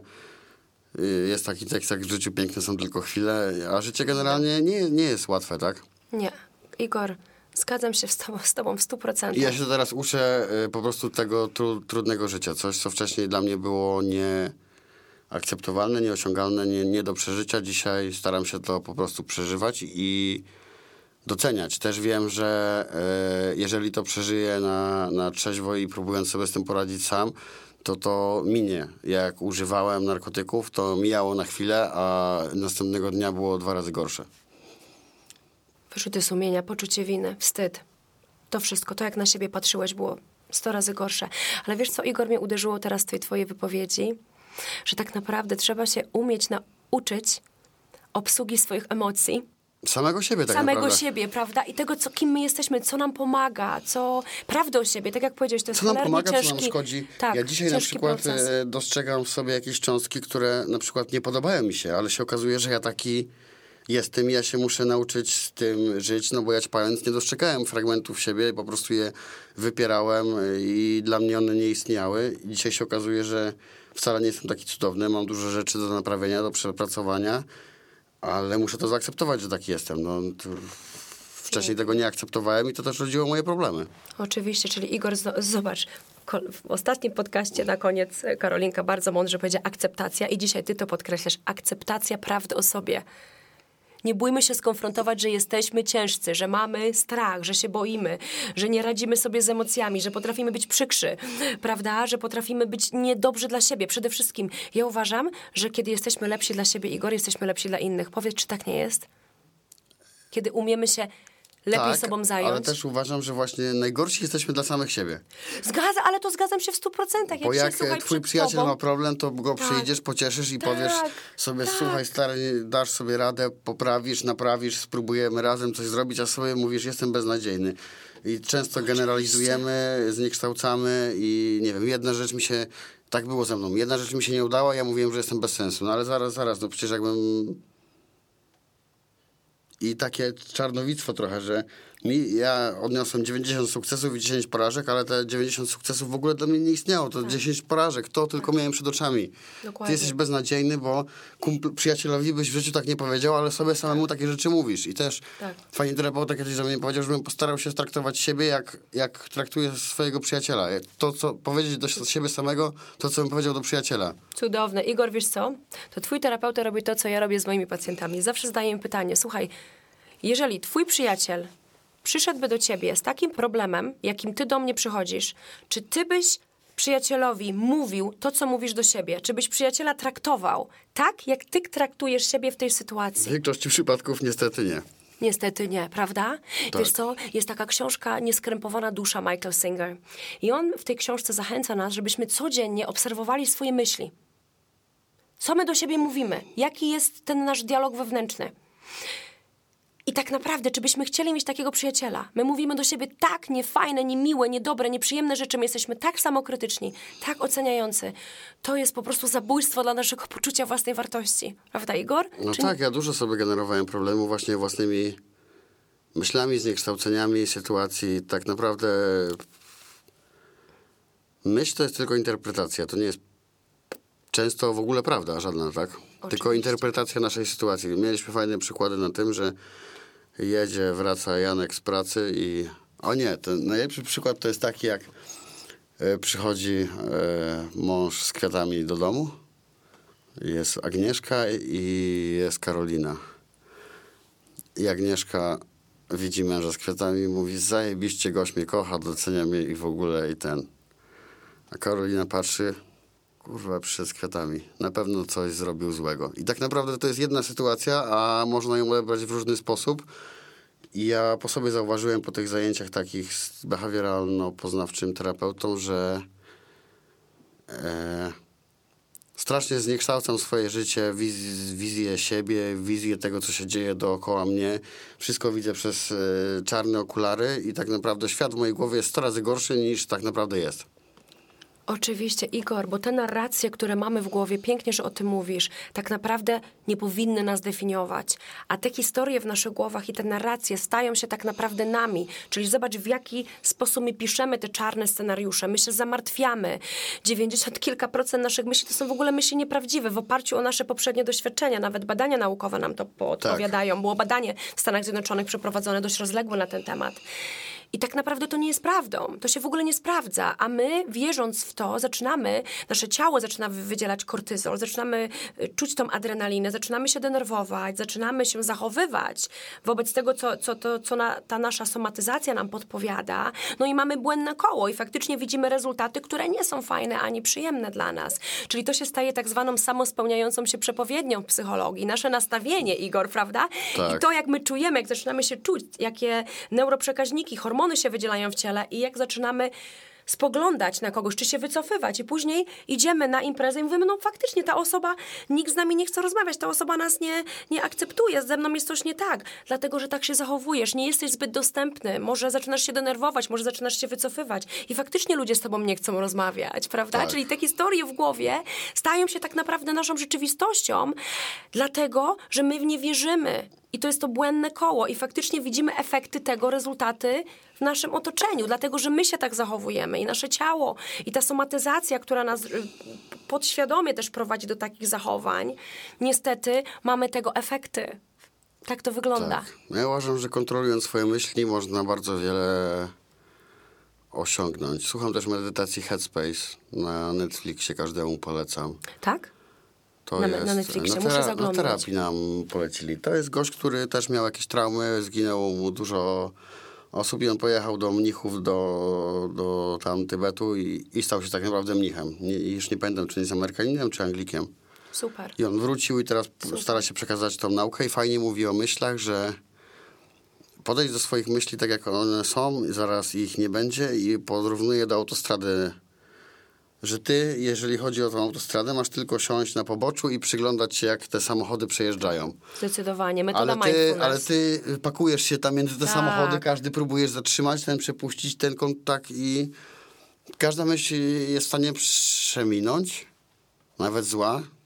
Ja uwielbiałem temat negatywne myśli automatyczne i po tym temacie okazało się, że jestem mistrzem negatywnych myśli automatycznych w stosunku do własnej osoby. Ja również. Igor, uwierz mi, 90% nas zmaga się Da z się tym. je przekształcać, da się z tym coś robić, to tylko to potrzeba tak jakby pracy nad sobą, bo samo to nie przyjdzie i Zdecydowanie, Igor, zdecydowanie pracy nad sobą, która jest notabene bardzo ciężka z tego, co dzisiaj e, tutaj nam Tak, opowiadałeś. jak ja wróciłem na tą drugą terapię, to jak ktoś mi mówił, że on ma wiedzę, to ja mówię, człowieku, ja tutaj trzy miesiące siedziałem i ja miałem wiedzę jak terapeuta i co z tego, jak wyszedłem i zaćpałem? Co, co mi dała ta wiedza? Co mi dało praca? Tylko i wyłącznie praca. Powiedz mi, Igor, co spowodowało, że zacząłeś tą wiedzę wdrażać? Że jednak nie poddałeś się temu głodowi i, i że tak powiem, nie, nie nawróciło, nie poleciałeś w tym kierunku? Co ci pomogło?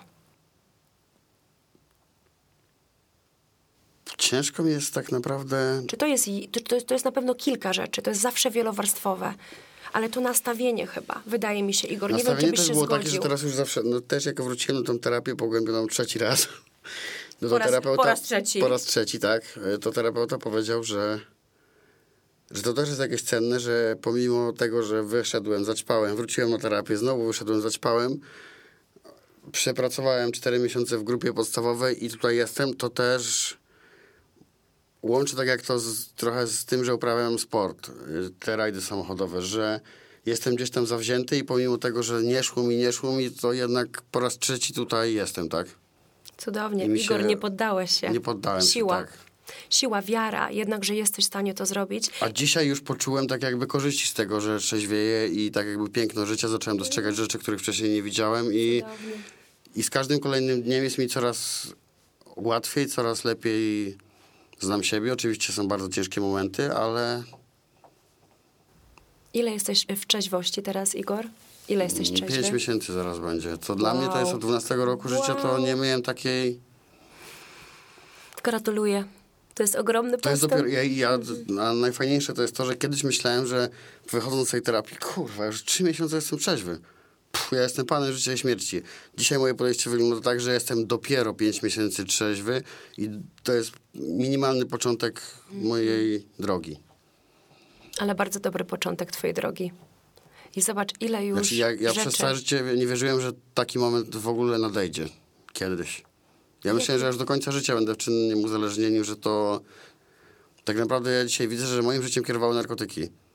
Pierwszym tematem dnia było załatwienie narkotyków, ogarnięcie tego, potem już kontrolowanie takie, że brałem takie ilości narkotyków, żeby się po prostu nimi nie zabić. Bo ja wiedziałem, że jak e, wezmę zapas na tydzień, to to się nie skończy tym, że ja będę miał je przez cały tydzień, tylko ja je po prostu zjem w poniedziałek, tak? Nie będziesz w stanie się powstrzymać po prostu. To pójdzie. Tak. To jest... Y, normalnemu człowiekowi ciężko jest sobie to wyobrazić, ale jest takie fajne powiedzenie, że jedna kreska to za dużo, a tysiąc to za mało. Też kiedyś byłem przerażony, bo czułem w sobie zaczątek jakiejś choroby psychicznej. Że ja w nocy gadałem sam do siebie, krzyczałem, jakieś miałem te i pomimo tego, że widzę tą całą destrukcję, będąc czynnym uzależnieniu, co się ze mną dzieje, że już fizycznie nie daję rady, że mi na głowę siada, że to, zaraz dwa dni przez nie biorę, człowiek dochodzi i ten umysł już jest tak sprany tego, no też nie oszukujmy się, ale kokaina daje taki wyrzut dopaminy, że nic na świecie nie jest w stanie dać nawet y, paru procent y, takiego wyrzutu dopaminy i w momencie, kiedy się ją przestaje brać, no to kurwa, co ja bym nie zrobił w tym życiu, to y, wszystko jest do dupy, nie? Kokaina to takiej była jazda, dopaminy. nie? I, I nic nie zastąpi takiego wyrzutu dopaminy, prawda? Bo to jest się tak automatyczne. jakby, to jest ten początek, też przystosowanie się tak jakby organizmu. Ja jeszcze wiem, że naprawdę ja mam nieunormowany sen. Yy, ja się budzę w nocy, jakbym miał dziecko. 10 razy. To psychiatry tylko biorę tabletkę nasenną, że usypiam. Budzę się z koszmarami, a często moim koszmarem jest na przykład to, że ja się budzę, że ja złamałem trzeźwość. Śniły mi się narkotyki, złamałem trzeźwość i na przykład 20 minut w nocy do mnie dochodzi, że to był sen, a nie prawda. Czyli boisz się tego, Igor, prawda? Skoro Boję twoja tego. podświadomość o tym mówi. I kiedyś e, to bym w ogóle przy takiej jakości snu nie wyruszał z domu, no bo przecież ja jestem biedny, cały świat przeciwko mnie, ja taki zmęczony, w nocy nie spałem, biorę dzisiaj wolne. Dzisiaj jednak, no to różni człowieka w czynnym uzależnieniu od takiego już zdrowiejącego dla mnie i też widzę po swoich tak jakby kolegach, kolegach z terapii, ludźmi, z którymi się zadaje, że pomimo tego, że się nie chce, to jednak się rusza dupa do działania. I to jest chyba najważniejsza część tego sukcesu, Ile razy Igor. mi się na terapię nie chciało iść? Oczywiście. Bo się nie chce, Igor, zobacz, nie chce ci się stać z łóżka i pójść na basen, tak jak dzisiaj powiedziałeś, ale jak poszedłeś, czułeś się dużo lepiej. Czyli jaki wniosek z tego płynie? Pomimo tego, że się nie chce, to robimy. Tak. Tak, Igor, robimy. No i ten kontakt Szczególnie z tą przy tej moją nieświadomą stroną, tak.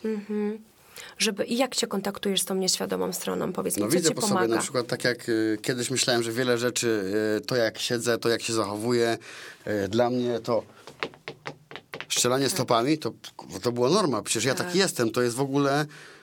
y, To po terapii się okazało, że to nie jest norma, to jest po prostu moje napięcie, które Tak. wyrażam w sposób y, taki, że moje stopy, nawet jak siedzę, to cały czas gdzieś idę, tak? Tak, napięcie układu nerwowego. Układ nerwowy napięcie jest układu niespokojny. nerwowego i tego i wszystkiego. I te moje gesty, moje słowa, tak jak to, to wiem, że jak powiem, że ja byłem uzależniony, to wiem, że to wyszło z mojej nieświadomości, która spróbuje mnie znowu pchać w chorobę, tak? Kiedyś byłem rozdrażniony i myślałem, że no kurwa, ja po prostu tak jestem. Dzisiaj wiem, że to coś się dzieje. Fajnie nam to terapeuta tłumaczył, bo mówił, że ja też mówi, to nie jest tak, że tylko wy uzależnieni ją macie. Tak działa każdy człowiek. I mówi, dzisiaj rano wstałem, miałem katar, źle się czułem. Jeszcze byłem wtedy w ośrodku zamkniętym. I mówi, że strasznie mi się nie chciało jechać do pracy. No ale wiem, że to jest mój obowiązek, muszę jechać. Wychodząc zapomniałem komputera, wróciłem się po komputer. Potem zapomniałem klucz od samochodu, potem zapomniałem klucz od domu, a jeszcze na mieście miałem małą obcierkę z innym samochodem. Mnie od was różni to, że ja wiem, że to była moja nieświadoma strona, która próbowała zrobić wszystko, żebym ja został w tym domu. Oczywiście. Ja ją znam, ja wiem, co się ze mną dzieje, wiem, jak to. No tak, wiadomo, to było trochę przerysowane, ale ładnie nam to pokazało, że my sobie lubimy rzeczy takie jakby ciężkie tłumaczyć przypadkiem. A to nie To się stało przypadki. przez przypadek, to tam gdzieś to wszystko przejęzyczenie. Ja pamiętam fajnie gość na tym mówi, że w bilansie tygodnia, czego się nauczył, mówi, że e, w poniedziałek mieliśmy zajęcia o kontrolowanym ćpaniu. I on, że on się przejęzyczył. I terapeuta do niego mówi, że dla was nie ma kontrolowanego ćpania i to twoja nieświadomość ci mówi, że ty byś chciał kontrolowanie ćpać, a nie... To nie było Albo przejęzyczenie. kontrolowanie pić, Igor, Tak. prawda? Czyli zobacz, jak silna jest tak? nieświadomość, Igor. Zobacz, jak silna jest ta nieświadomość, prawda? I zobacz, ile musisz z nią pracować. Nie lubię słowa musisz, ale ile chcesz z nią pracować. Bo inaczej to ona przejmuje zawsze kontrolę. I to jest bardzo ciężkie, bo jest masę tego Ale z tej autosabotażu. nieświadomością to jest jeszcze fajnie, jak kolega czytał życiorys i mówi, że tam w którymś roku popełnił akt małżeństwa. Ja sobie tak myślę w informacji zwrotnej do niego mówię, że kurde, nie wiem, no jak dla mnie popełnia to się, nie wiem, morderstwo, przestępstwo, coś złego, a nie akt małżeństwa. Że Akt małżeństwa to się jak dla mnie zawiera, tak? Więc już było widać, jakie ma nastawienie do żony, skoro on Dokładnie. popełnił akt małżeństwa, tak? Tak, wiesz co, bo to są te przejęzyczenia. To Freud mówił właśnie o tych przejęzyczeniach, prawda? Z Tak, naszej podświadomości to pochodzi. To jest po prostu niesamowite, jak to, jak to w ogóle ma miejsce. I to jest to właśnie podświadomość. Praca z tą podświadomością jest cholernie trudna, Igor. Zobacz, ile ty musisz pracy w to wkładać. Na co dzień. I Tak, ale uważam nas. to też za plus. Dzisiaj, kiedyś, plus. kiedyś płakałem, że ja jestem osobą uzależnioną i napiętnowaną na całe życie. Bałem się przyznawać do tego ludziom, teraz otwarcie o tym mówię. I też uważam, że osoby, które nie mają problemu na przykład z uzależnieniem, z traumami, z innymi rzeczami, albo nie są tego świadome i nie pracują nad sobą, tak jakby dużo tracą. Bo nie byłbym dzisiaj tym człowiekiem, gdyby nie uzależnienie, nie miałbym tego kontaktu ze sobą. Dalej bym myślał, że większość rzeczy w moim życiu wydarzyło się przez przypadek, zrządzenie losu i w ogóle opatrzność, a nie przez to, że ja swoje życie tak pokierowałem, tak? Wow, Igor. I to jest cudowne zdanie, które ty teraz wypowiedziałeś, już podsumowując nasze dzisiejsze spotkanie. Cudowne zdanie na zakończenie. Dlatego, Igor, że to, co powiedziałeś, to tylko nam podkreśla, że świadomość to jest najwyższy stopień rozwoju.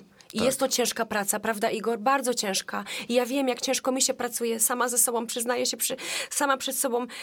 Jeśli chodzi o moje ciemne strony, te strony cienia, Karol Jung, prawda? Praca Tak. z cieniem. To jest cholernie trudne.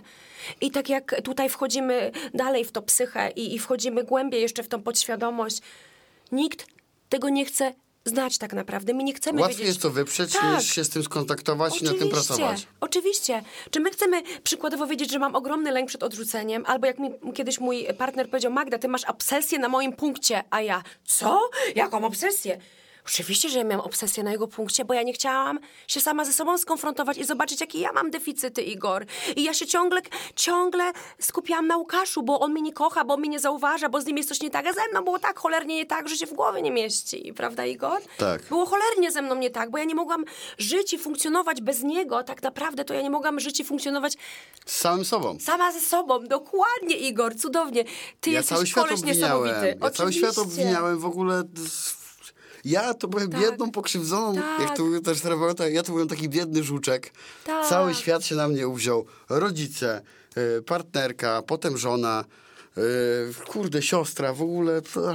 Wszystko... Rola ofiary, Igor, prawda? Rola cierpiętnika, ofiary, bo przecież ja jestem taka biedna i jestem taki biedny i wszyscy się na mnie uwzięli, obwinianie, to są wszyscy dla mnie niedobrzy i wywalanie złości na innych, to są wszystko mechanizmy obronne ego, prawda, E- Igor, żeby to przerzucić na kogoś. Tak, i całe życie ja to tak jakby obwiniałem za to rodziców. Na terapii cały czas mijał terapeuta y, behawioralny, pamiętam, że to nie jest wina moich rodziców. Znaczy, mniejsza z tym, czyja to jest wina. Że y, też my w Polsce żyjemy tak, że mamy traumy jeszcze powojenne. Dużo ludzi do tego nie dostrzega, ale tak naprawdę. Igor, ostatnio posta o tym napisałam. Zobacz, jaka synchronizacja. A, mega. że y, ja się dzisiaj mogę zastanawiać, czy to jest wina mojego taty, czy taty mojego taty, czy taty taty mojego taty.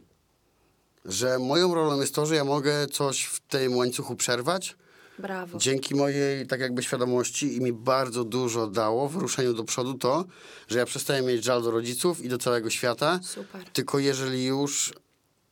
Też staram się nie mieć tego żalu do siebie, bo rola cierpiętnika też jest do dupy. A Staram się nie mieć żalu ani do rodziców, ani do tego i tak naprawdę nawet nie chodzi o to, że mi wybaczyłem, tylko po prostu odpuściłem sobie trzymanie tego żalu, który kiedyś wydawało mi się, że daje mi jakąś siłę i sprawczość i obronę i pokazanie tego, że to nie moja wina. Puściłem to i się okazało, że nagle wtedy praca nad całym sobą stała się łatwiejsza. Brawo, wow, Igor, jakie cudowne słowa. Naprawdę, wiesz, co jest taka terapeutka amerykańska, Susan Forward.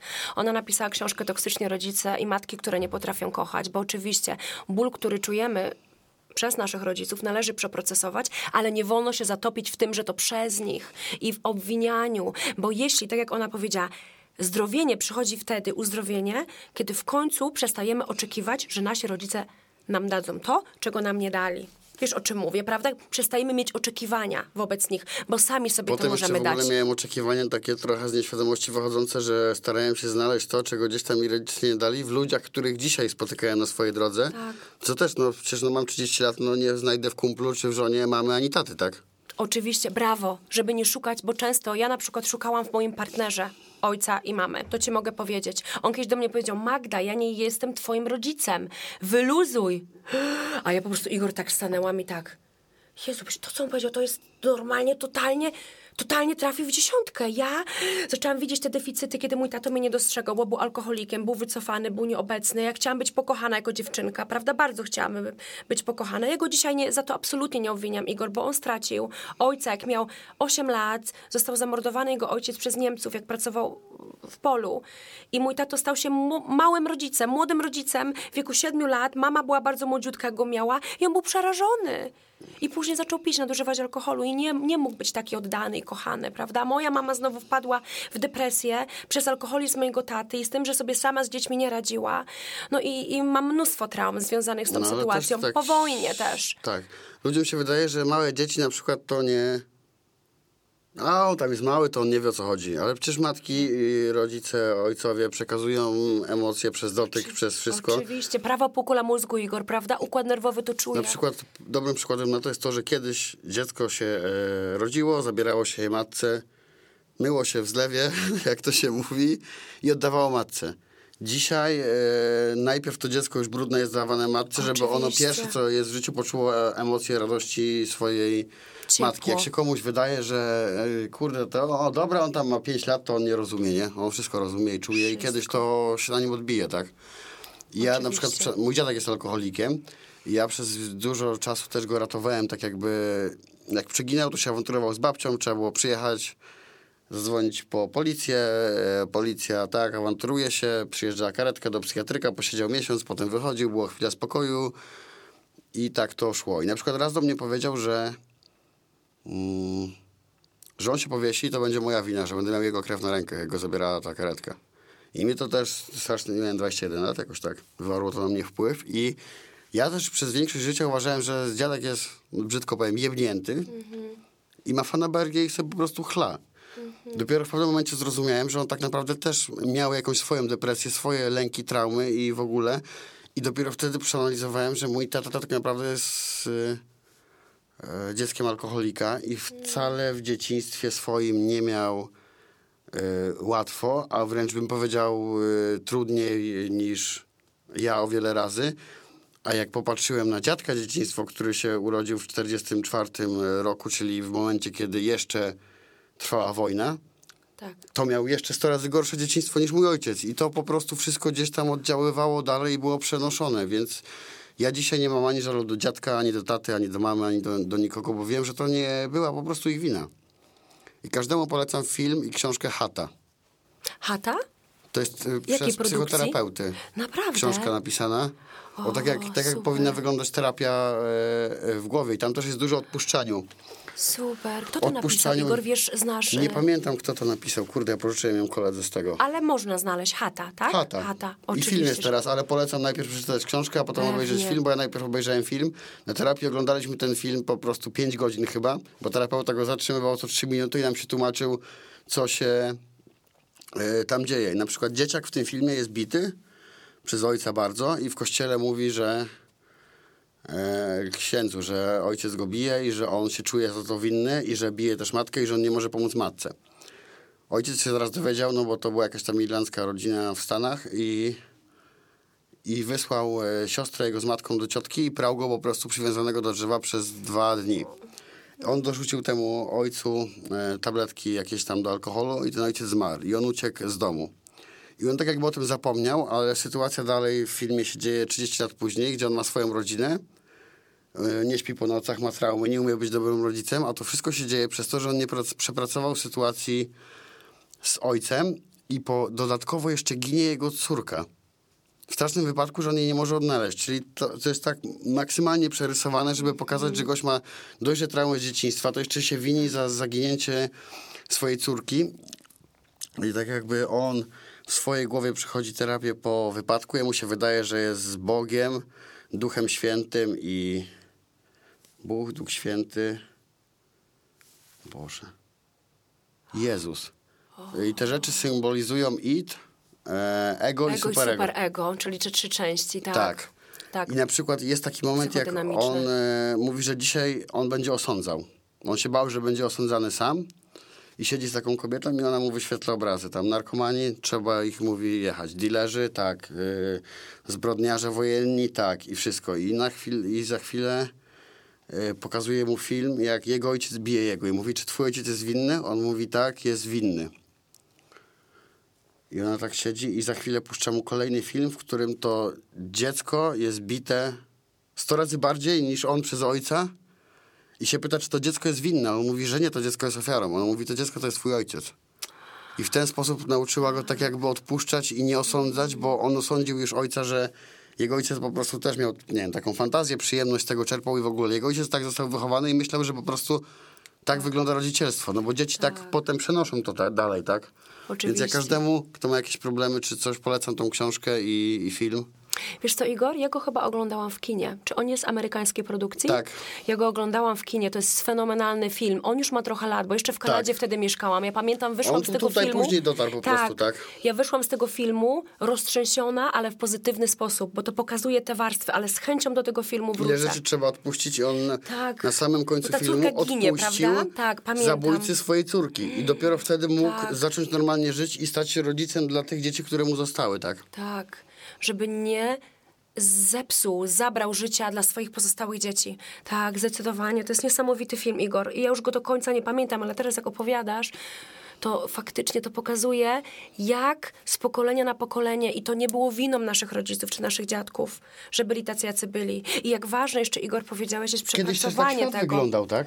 Oczywiście, kiedyś był zimny chów, okres powojenny, wojenny, postkomunistyczny, komunizm, postkomunistyczny. To Ludzie się wszystko- bali o to, czy będą mieli co jeść, czy zaraz nie dostaną pałą na ulicy i czy nie pójdą do więzienia, więc to zupełnie Oczywiście, walka o żyli pod inną przetrwanie. presją, tak? Takie prawdziwe przetrwanie, nie przetrwanie w stylu e, gry komputerowej czy po, poprawienia komfortu, luksusu, jakości życia, tak? Zdecydowanie, prawdziwe przetrwanie. I Igor, już podsumowując, my jesteśmy ofiarami ofiar. Prawda? Ostatnio posta na ten Tak. temat napisałam. Też I się z tym zgodzę. Prawda, Igor, i to jest dziedziczone po prostu z pokolenia na pokolenie, również epigenetyka, czyli doświadczenia i to, co się dzieje w środowisku. Włączają albo wyłączają geny, nie zmieniają, ale ekspresję genetyczną zmieniają, czyli te molekuły się jakby na samą górę naszego genu doczepiają, to to, co się wydarzyło w środowisku i zmieniają tak naprawdę ekspresję genetyczną. I to nie jest winą naszych przodków, ani naszych rodziców, ani naszych przodków, tylko to, co się działo, historia. Dlatego pracując nad sobą, tak naprawdę, tak jak dzisiaj powiedziałeś, my przerywamy ten cykl i to jest cudowne, cudowne doświadczenie dla nas, z tą świadomością, wejście na wysoki poziom świadomości i wprowadzanie tego dla nas, dla ciebie, dla twojej żony, dla twoich dzieci, Igor. Nie wiem, czy masz jedno dziecko, czy, czy masz Dzieci jeszcze nie mam, ale a nie macie dzieci, tak? Przepraszam, to ja się pomyliłam. Myślałam, że wiesz co, ja kiedyś z tobą rozmawiałam. Myślałam, że mówiłeś, że jadę z żoną i z dzieckiem, ale chyba a źle żona zroz... moja ma dziecko z poprzedniego związku. A, to dlatego, Igor, czyli to nie jest, to Ja jest jednak żony chciałbym, dziecko. jak będę miał mieć swoje dziecko, być jeszcze bardziej poukładany, odpowiedzialny i nauczyć się dorosłego życia, bo na razie muszę zadbać o siebie, żeby móc kiedyś móc zadbać o kogoś innego. Cudownie, Igor. I to jest cudowny cel. Lepszego chyba Nie ma. nie ma od tego. Igor, z całego serca ci dziękuję. Jestem bardzo wdzięczna. Również dziękuję za tą rozmowę. Bardzo ci Było mi dziękuję, miło tu Igor. gościć. Mi również. Jesteś po prostu fenomenalny. Masz taką wiedzę, masz taką odwagę, żeby o tym mówić. Masz odwagę, żeby to wprowadzać. Masz niesamowitą świadomość. Mówisz odważnie, jaka to jest ciężka ta praca nad sobą. Nie obwijasz w Ja, bawełnę. ja do, teraz rozumiem, że dużo rzeczy w życiu zrobiłem, ciężkich, fajnych, wystrzałowych i w ogóle, ale to wszystko, czego dokonałem w życiu w porównaniu do pracy nad sobą, było y, prosta jak konstrukcja cepa. Niesamowite. Czyli zobacz, jaki złożony to jest proces i jak trudny, ale też jakie cudowne owoce przynosi. Bo zaczynasz Tak. te owoce, Igor, już czuć, prawda? Dla samego Tak. siebie przede wszystkim. Widzę, że coś kiełkuje. Cudownie, Igor, i, i bardzo Ci dziękuję. I dziękuję Ci, że pomożesz wielu moim słuchaczom, którzy się zmagają z uzależnieniami, bo naprawdę te słowa, które pochodzą od Ciebie, od człowieka, który pracuje aktywnie nad sobą i jest uzależniony, Tak. podkreślam, żeby, i motywuje Cię do tego, to jest po prostu niesamowite. I słuchajcie, kochani, mam nadzieję, że to, czym się podzielił dzisiaj Igor, a naprawdę masa wiedzy, masa tak naprawdę jego doświadczeń, którymi on żyje, które wprowadza. Mam nadzieję, że to będzie niesamowitym dla Was zasobem. Dbajcie o siebie. Jeżeli, tak jak Igor, macie tak poważny problem, to Igor należy powiedzieć, żeby nie wstydzili się ludzie sięgnąć po pomoc, bo ta pomoc Oczywiście, jest bardzo tak. potrzebna, Igor. Ta pomoc właśnie taka kompleksowa, przy silnych uzależnieniach, to musi być pomoc już kompleksowa, czyli zamknięty, w ośrodku zamkniętym. Tak. Prawda, Igor podkreśla, że to Opierałem jest... się, ale wiem, że bez ośrodka zamkniętego po prostu nic by mnie nie zrobił. I też polecam ośrodek przebudzenia, bo na początku myślałem, że to jest skok na kasę, jak tam poszedłem, ale teraz wiem, to jest na przykład dom, do którego dzwonię, że mam problem, coś, ja tam jadę i spędzam niedzielę. Z terapeutą i z ludźmi, którzy tam Masz, siedzą. masz dalej dostęp do tego. Oczywiście, to że jest tak. cudowny W każdym zasób. momencie mogę przyjechać. E, właścicielka jest super kobietą, terapeuci są naprawdę... Kadra się powiększa, budują nowy ośrodek i naprawdę chcą zmienić życie ludzi, nie zależy im na pieniądzach. Cudownie, Igor, bo, bo ośrodki takie, któ- które, o którym ty mówisz, przebudzenie, to są ośrodki, które naprawdę pomagają, bo są też ośrodki, które czasami nie pomagają. Słyszałam Tak. z, z opowieści moich niektórych pacjentów, więc to jest akurat cudowny ośrodek. Powiedz mi, Igor, gdzie on jest? W, Ligota piękna. Ligota Piękna, To jest obok Wrocławia. Obok Wrocławia, okej. Ligo, faktycznie Ligota Piękna, więc obok Wrocławia dla wszystkich zainteresowanych, dla wszystkich potrzebujących, może nawet zainteresowanych to złe słowo. Bardzo Ci jeszcze raz dziękuję, Igor. Również dziękuję. To, to, co powiedziałeś dzisiaj, to jest naprawdę kopalnia, kopalnia wiedzy, ale też takiej szczerości, prawdziwości i autentyczności, którą tutaj zostawiłeś z naszymi słuchaczami i, i odnoszę wrażenie, że pomożesz niejednemu z nich. Bardzo Ci jeszcze raz dziękuję. I Dziękuję. kochani, dziękuję. Kochani, dziękuję za uwagę.